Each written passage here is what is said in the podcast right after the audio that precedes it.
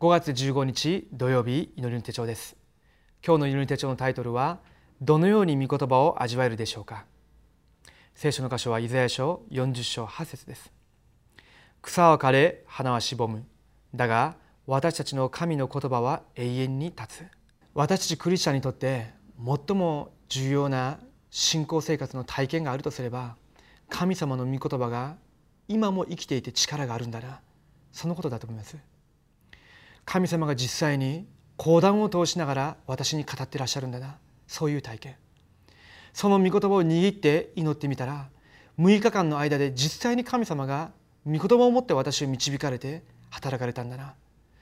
そういう御言葉に導かれていく御言葉についていく体験が必須だと思います。もしそういう体験がなければ全部自分の過去の経験考え感情通り生きるようになります。するとどうなりますか？限界が来るでしょう。今日草は枯れ花はしぼむ。だが私たちの神の言葉は永遠に立つというふうになります。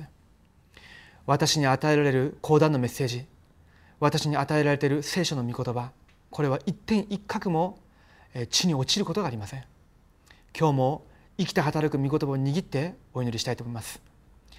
じゃあ序文を一緒に読みたいと思います。神様の御言葉は今も成就していますが多くの人がこの事実を逃していて実際には信じていません。特に働き人と住職者たちがこの多くのことを担当していますが実際に神様の御言葉を中心に入れずにいます。御言葉の成就をどのように体験できるでしょうか。一つ目です。出会いと事件の中で御言葉を見つけなければなりません。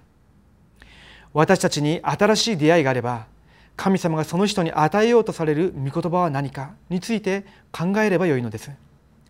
ペテロとヨハネが祈りの場に向かう途中足の不自由な男に出会いました。ナザレのイエスの名によって起きて歩きなさい。その時足の不自由な男が立ち上がりました。ピリポが荒野で出会ったエチオピアの宦官に福音を伝えました。もしこの時他のことを言ったらどうなったでしょうか。何かが起きると解決からしようとせず御言葉を見つけることが先です。私たちが経験する事件には必ず神様の計画が隠されているためです。ですので私たちが人と出会う時その人に向けた御言葉事件が起きた時その事件の中にある神様の御言葉それを少しだけ考えてみたとしても神様が講談のメッセージを通してかと実際的に今日読んだ聖書の箇所か祈りの手帳か御言葉を発見するようにさせてくださいます。そういうふうに自分自身の心に確信が与えられる御言葉があると必ずその御言葉は成就するようになっています。二つ目です。何を行うかによっても御言葉を見つけなければなりません。ダビデは羊飼いでした。しかしどのように御言葉を見つけましたか？私は羊飼いでしたが主は私の羊飼いと悟りました。そして羊飼いである今が最も祝福されたところだと悟りました。そのため王の座まで行ったのです。王になっても神様が与えられる御言葉を見つけ出しました。これがまさに神殿建築でした。私がいる現場でどのような御言葉を握るべきでしょうか。深く黙想しながら祈ればよいのです。ダビデにとっては幼い頃は牧道でした。その時に主は私の羊飼い。神様の御言葉を握ったということですね。ただ単に聖書の御言葉を握ったというよりは自分がしているその働きの中で神様の御言葉を発見したということです。また自分が王になった時には神殿の建築それを神様の御言葉として握るようになりました。皆さんが今していることと今皆さんがしていることと未来をつなげて考えてみるときに皆さんに向けた神様の御言葉は何でしょうか。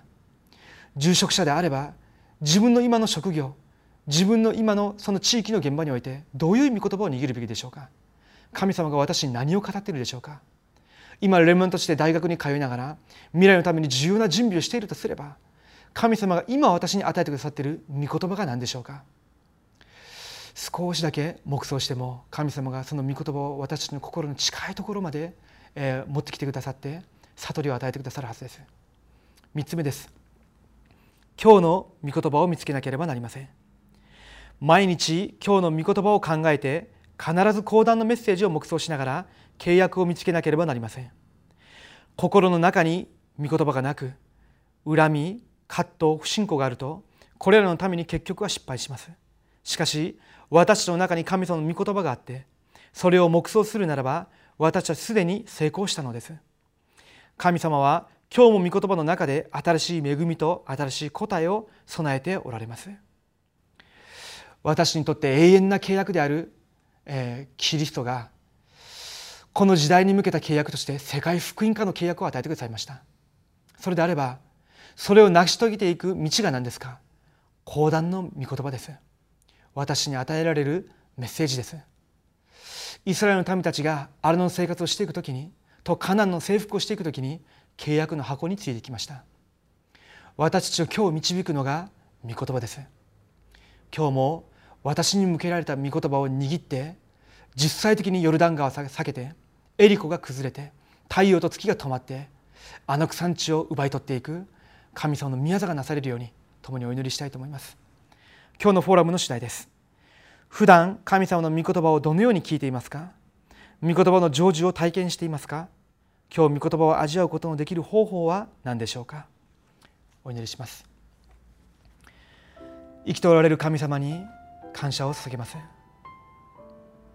モーセが400年間奴隷とされたその現場で血の契約を神様の御言葉として握り出エジプトの御言葉を握ったように日本の現場で召された私一人一人がなぜ召されたのかなぜ今こういう問題があるのかなぜこのような事件があるのか今私がなぜこれをするべきなのかその中で神様の御言葉を発見することができるように精霊で働いてください。その御言葉を握って祈る中で神様が7人のレムナたちに与えられた未来と同じ未来を持って私を導いていらっしゃることを確信する一日となるように今私に恵みを与えてください。生きとられるイエス・キリストの皆によってお祈りします。